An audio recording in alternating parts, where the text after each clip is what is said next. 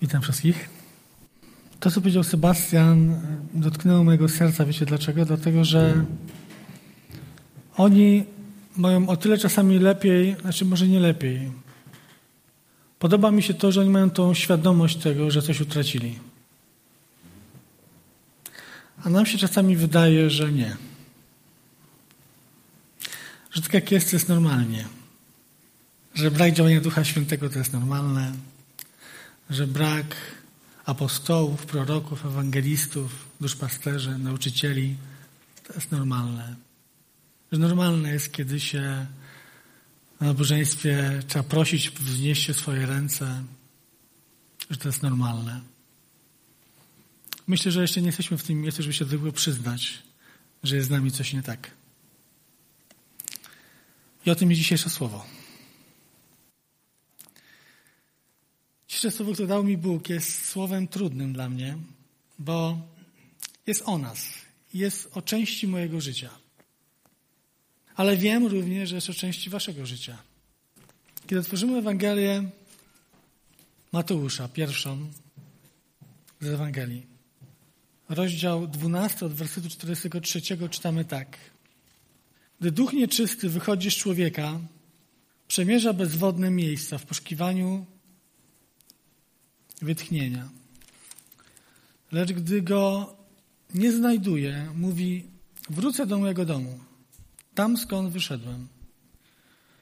Jeśli przychodzi i zostaje dom niezamieszkany, wymieciony i przyozdobiony, wtedy idzie, bierze ze sobą siedem innych duchów, bardziej zepsutych od siebie.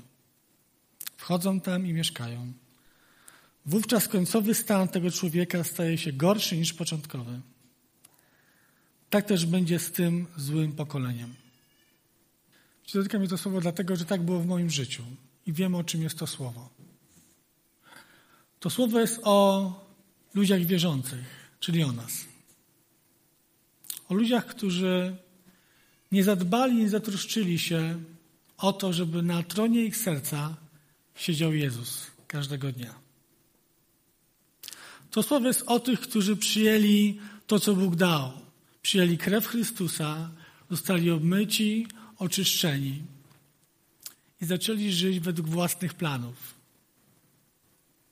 własnych pragnień. Kiedy pozwolili sobie na ten, ten komfort, że sobie już teraz fajnie poradzą w życiu. Wiecie, to nie jest tylko słowo o duchach nieczystych. Bo gdy przypomnicie sobie wielu spośród nas tutaj, których nie ma, to jakże często stan ich jest gorszy niż, niż ten, który był przed. Wiecie, to nigdy nie jest tak. Może nie nigdy. Ale to nie jest tak, że upadek czasami jest taki gwałtowny i od razu go widać. Ktoś tak upada, że jest to zgorszenie dla wszystkich. Najczęściej to są małe kroczki, małe tip-topki, które doprowadzają cię do miejsca zguby. Powoli, delikatnie, subtelnie. Decyzja po decyzji, dzień bez Pana Boga, po dniu bez Pana Boga, dzień bez modlitwy, dzień bez słowa, dzień bez kościoła. Krok po kroku dzieje się to, że nasze serce staje się sercem niezamieszkałym.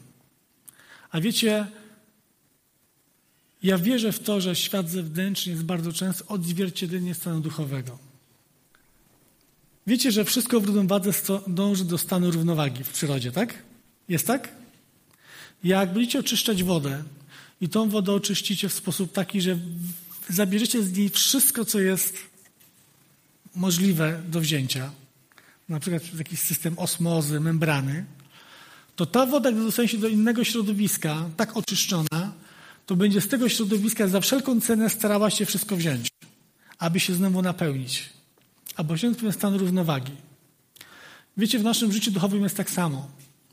Kiedy nie będziemy troszczyć się, kiedy nie dbamy o to, żeby na tronie naszego serca każdego dnia siedział Jezus, abyśmy byli świątynią Ducha Świętego nie z nazwy, ale aby ogień Pana płonął w naszych sercach, to pozwalamy sobie na to, że w to miejsce wchodzi coś innego.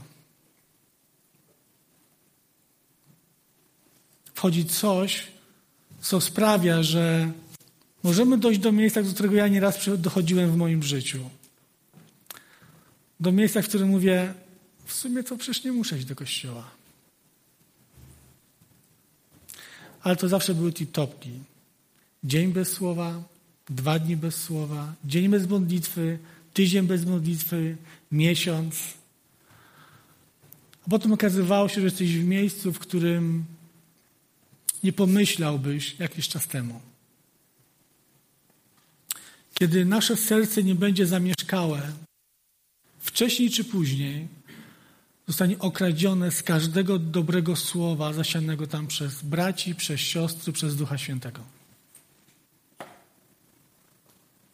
Nie wiem, czy spotykacie ludzi wierzących, którzy jakiś czas temu odeszli do kościoła, których pamiętasz jeszcze, jak z nimi rozmawiałeś o cudownych Bożych rzeczach, a dzisiaj, gdy z nimi rozmawiasz, widzisz, że to jest, to jest ściana. Że całe to słowo, które było w nich wtedy, zostało okradzione. Że dzisiaj z tego, co mieli w swoim sercu 20-30 lat temu, nie zostało nic. jeżeli nie będziemy dbać i troszczyć się o nasze serce, o to, żeby ono było blisko Boga każdego dnia, to każdego dnia toczy się walka o ten balans w naszym życiu. Każdego dnia toczy się walka o to, czego będzie w naszym życiu więcej. Czy będzie więcej Jego, Jego słowa, Jego prowadzenia, Jego obecności, czy więcej tego, co jest na zewnątrz. Nie ma tak, że dzisiaj nakarmisz się tak Bożym Słowem, że jutro nie musisz. Nie da się. Jest taka pieśń, która mówi, że zapominam o tym, co było za mną, a sięgam po to, co przede mną. Nie da się najeść na zapas. Nie da się napić na zapas. Komuś się udało? Tak się naje, że potem przez miesiąc nie musi jeść? Bardziej pójdzie do toalety. Częściej będzie chodził do toalety. Co najwyżej. Świata duchowego nie da się oszukać. Jeżeli nie będziemy troszczyć się i dbać, ten, który chodzi wokoło jako lew ryczący, zrobi wszystko, aby nas pochłonąć. I to będą drobne, małe rzeczy aż doprowadzi nas do miejsca, w którym nasze serce będzie daleko od Boga. Wiecie, Bóg w tym słowie dał nam wspaniałą obietnicę. Wierzymy w to? Kiedy czytamy Stary i Nowy Testament, kiedy czytamy o rzeczach, które Bóg nam dał, to ja myślę, że my w 90% nie wierzymy w to, co tu jest napisane. Bo gdybyśmy wierzyli, nasze życie wyglądałoby inaczej. Zgodzicie się ze mną, czy nie? To są Boże obietnice. Ale pomimo tych wszystkich Bożych obietnic, które Bóg nam dał, czyli obiecał, jedną rzecz, na jednej rzeczy szczególnie mu zależy. Pamiętamy Abrahama? Był taki mąż Boży. Dostał wspaniałą Bożą obietnicę. Pamiętamy, ile miał lat Abraham, kiedy Bóg obiecał mu to, co mu obiecał?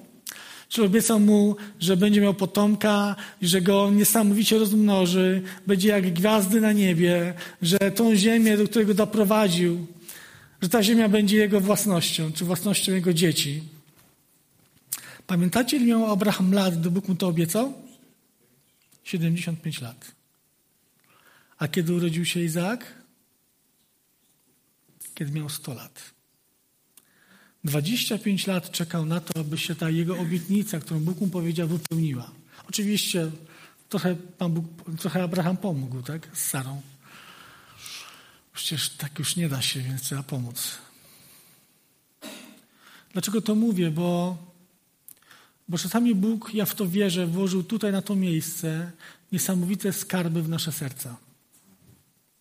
Ja wierzę w to, że tu jest niesamowicie wiele diamentów, które nigdy nie ujrzały światła dziennego. Poprzez kompleksy, poprzez to, że stwierdziły, że pewnie ten obok mnie, ale nie ja. Czasami poprzez to, że nie było odpowiedniego nauczania. Że nie było osób, które potrafiły te diamenty wyciągnąć, poddać obróbce. I wierzę w to, że Bóg zdeponował w nas, w każdym człowieku wierzącym, niesamowity potencjał darów, umiejętności, talentów do tego, aby sobie nawzajem służyć.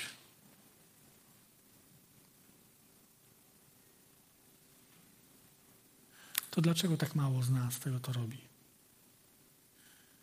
Dlaczego tak mało z nas decyduje się na to, aby stanąć i pozwolić Bogu w swoim życiu dokonać rzeczy cudownych?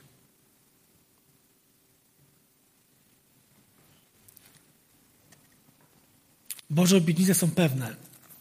Bóg ich nie zmienia. Powołania są stałe. Bóg ich nie zmienia. Dary są stałe. Bóg ich nie zmienia. Ale to od nas zależy, czy staniemy w miejscu naszego powołania, po to, aby wykonać Bożą wolę, którą On ma dla nas. Ale to wymaga od nas tej troski, dbałości każdego dnia o relacje. Bóg Abrahamowi obiecał cudowne rzeczy, wspaniałe rzeczy. Zawsze czytam tą księgę rodzaju, mówię, Bóg w sposób niesamowity, niesamowite rzeczy, w sposób niesamowity prowadził Abrahama. On i tak potrafił powiedzieć, to jest moja siostra. Jak bardzo to przypomina nas. W 17 rozdziale Księgi Rodzaju czytamy pewną wypowiedź Boga odnośnie Boga do Abrahama. Dał mu te wszystkie cudowne rzeczy, obietnice, tak jak dał nam. Cudowne obietnice, które nam dał, są tu zapisane. Mu powiedział tę obietnicę, że będzie jak gwiazdy na niebie. Wyjdź, policz, zobacz. Ja wierzę w to, że gdy czytamy Boże Słowo, widzimy te wszystkie obietnice, to, co się działo w dziejach apostolskich, to, co pierwszy Kościół czynił, to nie są rzeczy przeszłe. Więc dlaczego tego nie ma w moim życiu? Wiecie, odpowiedzią jest ten fragment. 17.1. A gdy Abraham miał 99 lat. Prawie tyle co ja. Ukazał mu się Pan i powiedział do niego: Ja jestem Bogiem Wszechmogącym. Żyj blisko mnie i bądź nienaganny. Wszystkie obietnice są dane nam po to, abyśmy mogli je wypełnić i mogli w nich stanąć. Ale nie zrobimy tego, jeżeli nie będziemy blisko Niego. Jeżeli nasze serce nie będzie wypełnione Bożą obecnością, Bożą realnością, pragnieniem i szukaniem Go każdego dnia. Takie dobre pytanie ostatnio przeczytałem. Kim jestem? Od czwartku wieczora do niedzieli rana. Kim jestem od momentu wyjścia z ostatniego nabożeństwa do przyjścia na następny dzień, na następne nabożeństwo? Kim jestem?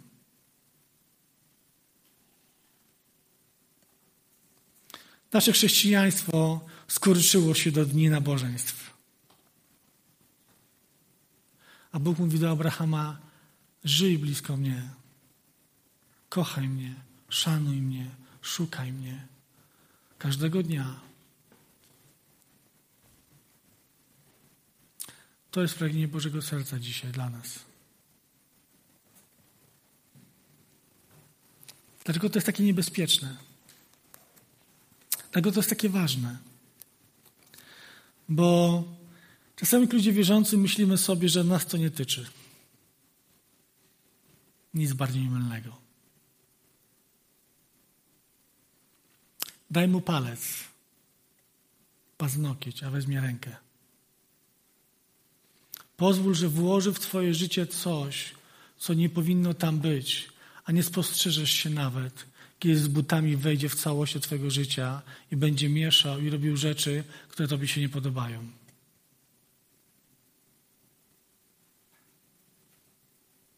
Czasem chrześcijanie mówią, dlaczego mnie to spotyka? Zamiast powiedzieć, Panie, pokaż mi, gdzie jest moje serce. Dlaczego przyszła choroba? Dlaczego przyszło niepowodzenie? Dlaczego pojawiło się to czy tamto w moim życiu, w życiu mojej rodziny? A powinniśmy zapytać bardziej, Panie, jaka jest Twoja wola dla mojego życia? Pokaż mi. Pokaż mi, co zrobiłem, w czym, w czym Panie, uchybiłem, gdzie moje serce Ciebie nie, nie szukało.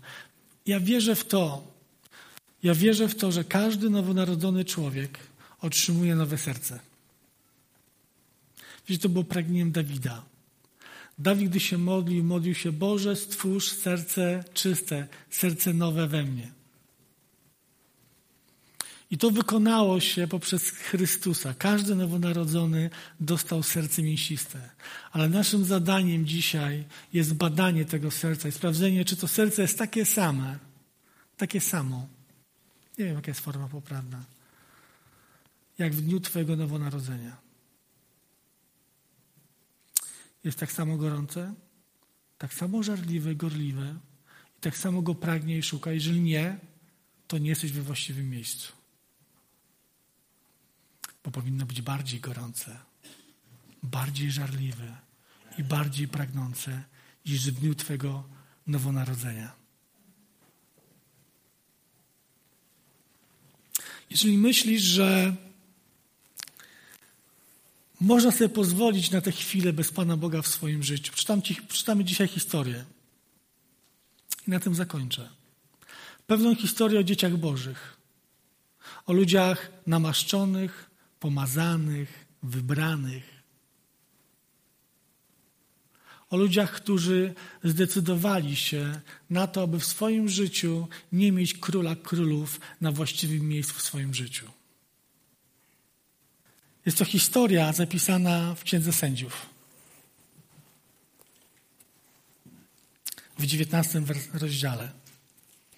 Jest to historia, która mi daje bardzo wiele do przemyślenia. pokazuje mi, kim można się stać, jeżeli nie zadbam i nie zatroszczę się w moim życiu naprawdę o codzienność, o relacje z Nim, nie w sobotę, czy w niedzielę, w czwartek, nie. Każdego dnia nie zatroszczę się o to, aby On siedział na tronie mojego życia. Kiedy nie zatroszczę się o obecność Ducha Świętego w moim życiu.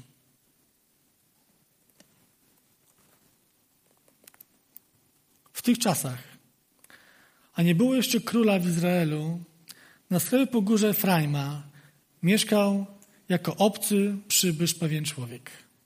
Lewita. Miał, który pojął sobie za nałożnicę kobietę z Judy, z Betlejem. Nałożnica ta rozgniewała się na niego. Lubię to słowo, rozgniewała się na niego. I odeszła do domu swego ojca, do Betlejem w Judzie, gdzie przebywała przez cztery miesiące. Inne tłumaczenia przez rok i cztery miesiące. Jej mąż udał się za nią, aby jej przemówić do serca i sprowadzić ją z powrotem. Udał się w drogę z młodym sługą oraz z parą osłów. Po przybyciu na miejsce dziewczyna zaprosiła go do domu swego ojca, a jej ojciec, kiedy go zobaczył, ucieszył się na spotkania, ze spotkania. Teść, ojciec dziewczyny, starał się potem odwlec wyjazd zięcia. Także ten gościł u niego przez trzy dni. W tym czasie mm, rozmawiali, modlili się, pościli. Nie to tłumaczenie, przepraszam. W tym czasie jedli i pili i nocowali u teścia. Czwartego dnia wstał wcześnie rano i chciał wyruszyć w drogę, ale ojciec dziewczyny powiedział do zięcia, posil swe serce kromką chleba, a potem pójdziesz. Zasiedli więc do posiłku i znowuż obaj się modlili, pościli i czytali Biblię. Aż w końcu ojciec dziewczyny powiedział do zięcia, przenocuj jeszcze tę noc. Dogódź swemu sercu. Dogódź swemu sercu. Dogódź swemu sercu. Mimo to zięć zbierał się do odejścia, też tak na niego nalegał, że ten w końcu został. Nazajutrz piątego dnia zięć wstał wcześnie rano i zaczął przygotowywać się do drogi. Lecz ojciec dziewczyny znów za zachęcał. Posil proszę swe serce, odłóż wyjazd na popołudnie. Zabrali się więc obaj do jedzenia. W końcu zięć wstał, by wyruszyć wraz z nałożnicą sługą i sługą. Też jednak ojciec dziewczyny znów zaproponował, spójrz, spójrz, dzień chyli się ku końcowi.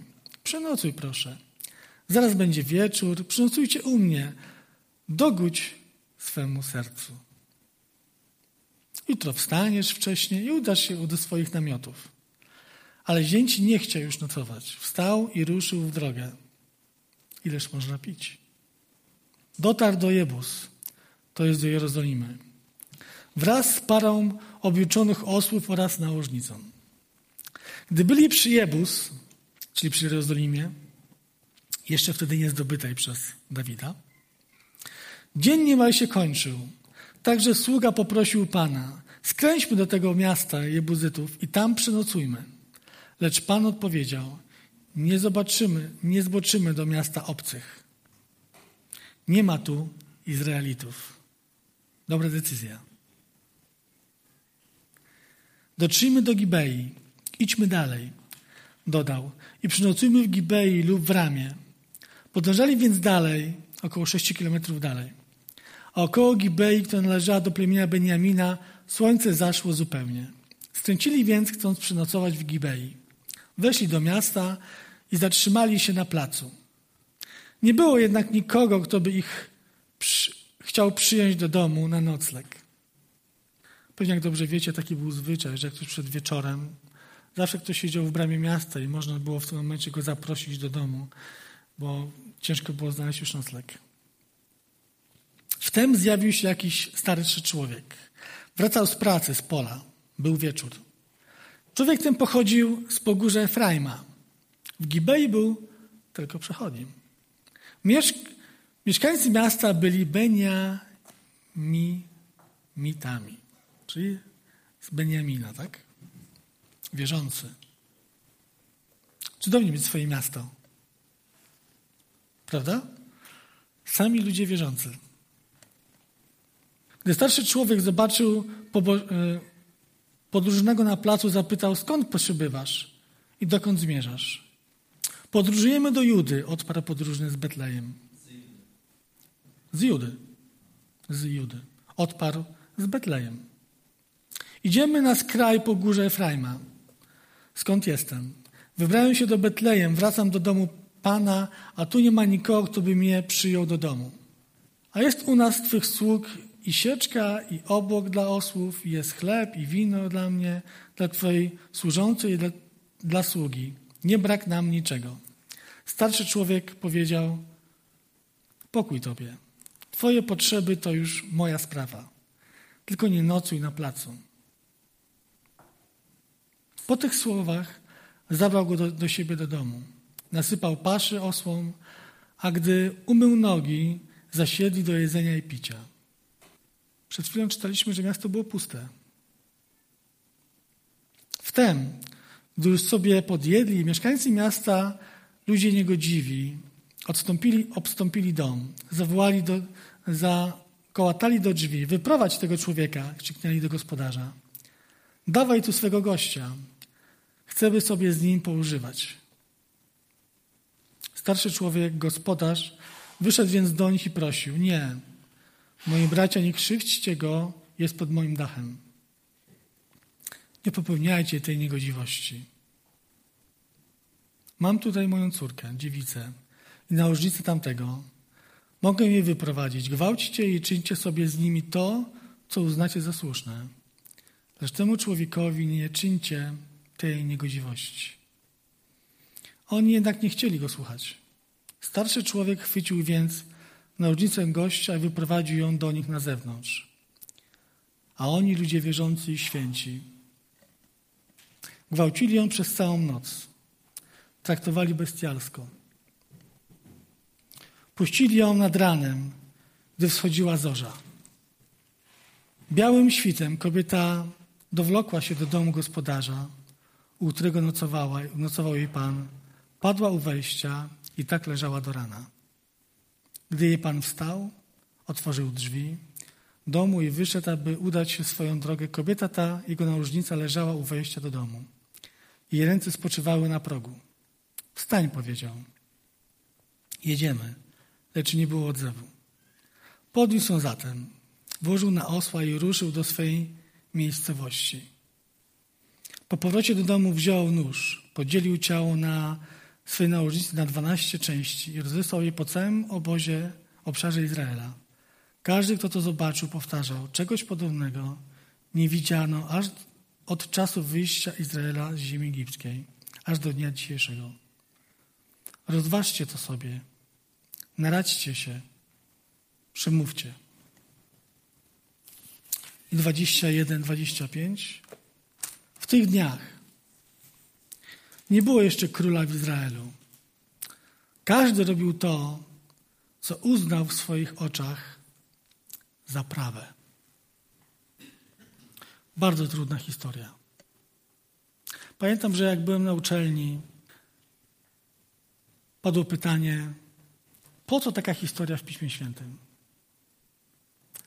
I studenci patrzyli na wykładowcę i nikt nie był w stanie nic powiedzieć. A on powiedział wtedy, bo ta historia pokazuje nam nasze serce. Ta historia pokazuje serce bez Boga. Serce, które w Bogu było, ale które Boga opuściło. Wychodzi, szuka gorszych od siebie, wraca i stan tego człowieka jest jaki? Jest gorszy niż był przedtem.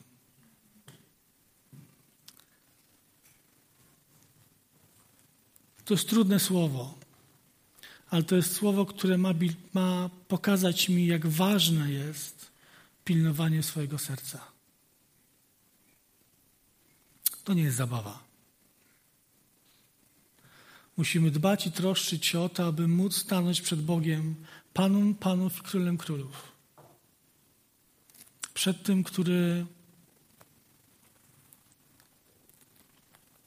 będzie wiedział, jak spędzaliśmy swój czas. Będzie wiedział, jak odpoczywaliśmy. Szukaliśmy odpoczynku w Nim, czy w dobrej butelce trunku, może w ramionach innej kobiety,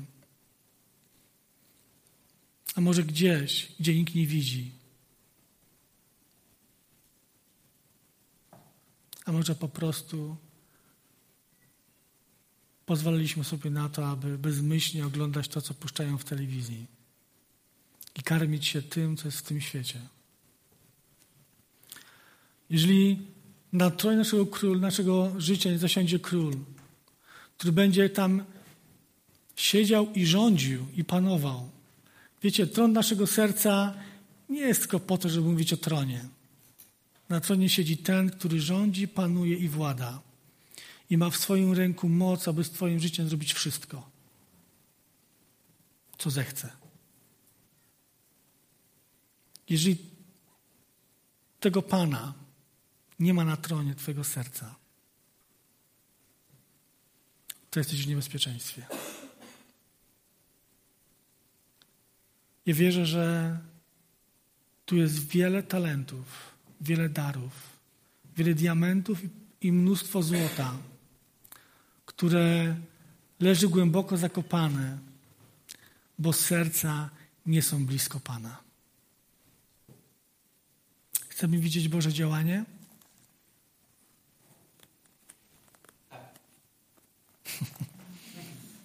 Entuzjazm. Bóg mówi dzisiaj do nas: zbliżcie się do mnie, a ja zbliżę się do Was. Kochaj mnie, szukaj mnie z całego swego serca. Niech pragnienie Twojego serca będzie codzienne szukanie mnie. Wiecie, ja czasami muszę przyjść i powiedzieć, Boże, proszę Cię, włóż to pragnienie do mojego serca. Aby nie było dnia, w którym nie będę miał pragnienia, by być bliżej Ciebie. Czasami budzę się i nie czuję nic. I wtedy mówię, ja nie chcę, żeby ten dzień był dniem nieważności, bo w tym dniu buduję moją relację z Tobą i ten dzień ma na wpływ na moją przyszłość. Już nie zmienię mojej przeszłości, ale dzisiaj buduję moją przyszłość. To, gdy dzisiaj będę szukał Twojego oblicza, a Ty dasz się znaleźć, to zbuduje mi na kolejny dzień pragnienie bliskości realności, bo wiem, że odpowiedziałeś. Nie pozwólmy na to, aby nasze serca zostały puste.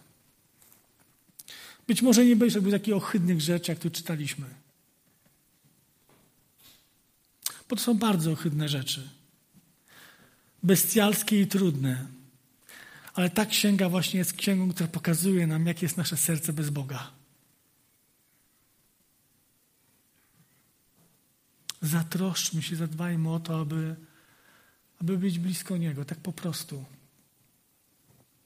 I pozwólmy Mu na to, aby odkopał to, co zakopane. Pozwólmy Mu wydobyć z naszego życia to, co szlachetne, to, co cenne, to, co jest niesamowitym Bożym darem i talentem, którego Bóg chce użyć w Kościele.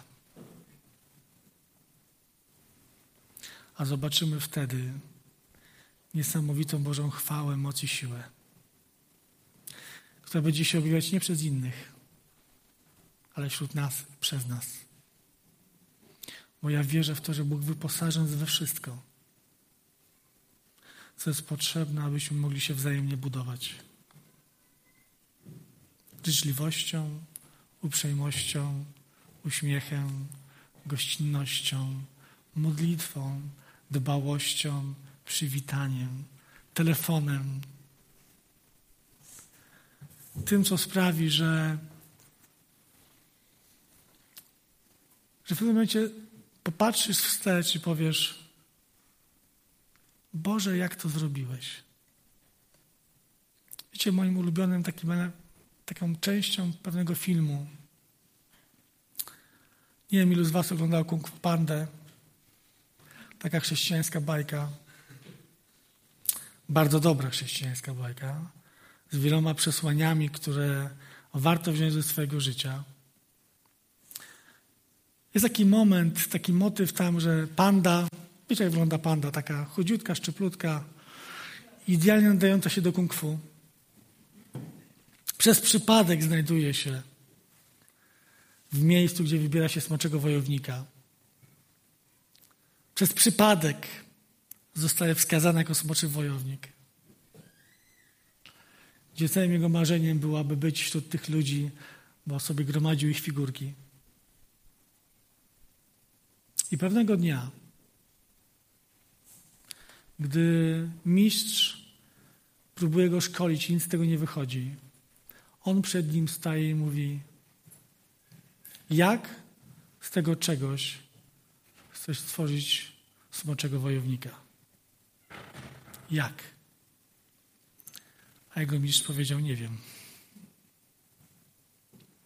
A dzień później szkolił go, bo znalazł sposób. Wiecie, ja wierzę w to, że Bóg w nas ma niesamowity potencjał, ale jeżeli mu nie pozwolimy tego potencjału otworzyć, to będziemy jak ta panda. Ale gdy pozwolimy Jemu na to, aby On zrobił z nami to, co On chce, to nie będzie ważna ta sala, jej wystrój, ilość miejsc. Jak trzeba będzie, wyjdziemy na zewnątrz, aby się tam spotykać i ogłaszać Boże Królestwo. Potrzebujemy więcej Jego w naszym życiu. A gdy będzie więcej Jego w naszym życiu, gdy będzie więcej Jego w naszym życiu, to będzie się działo. Amen.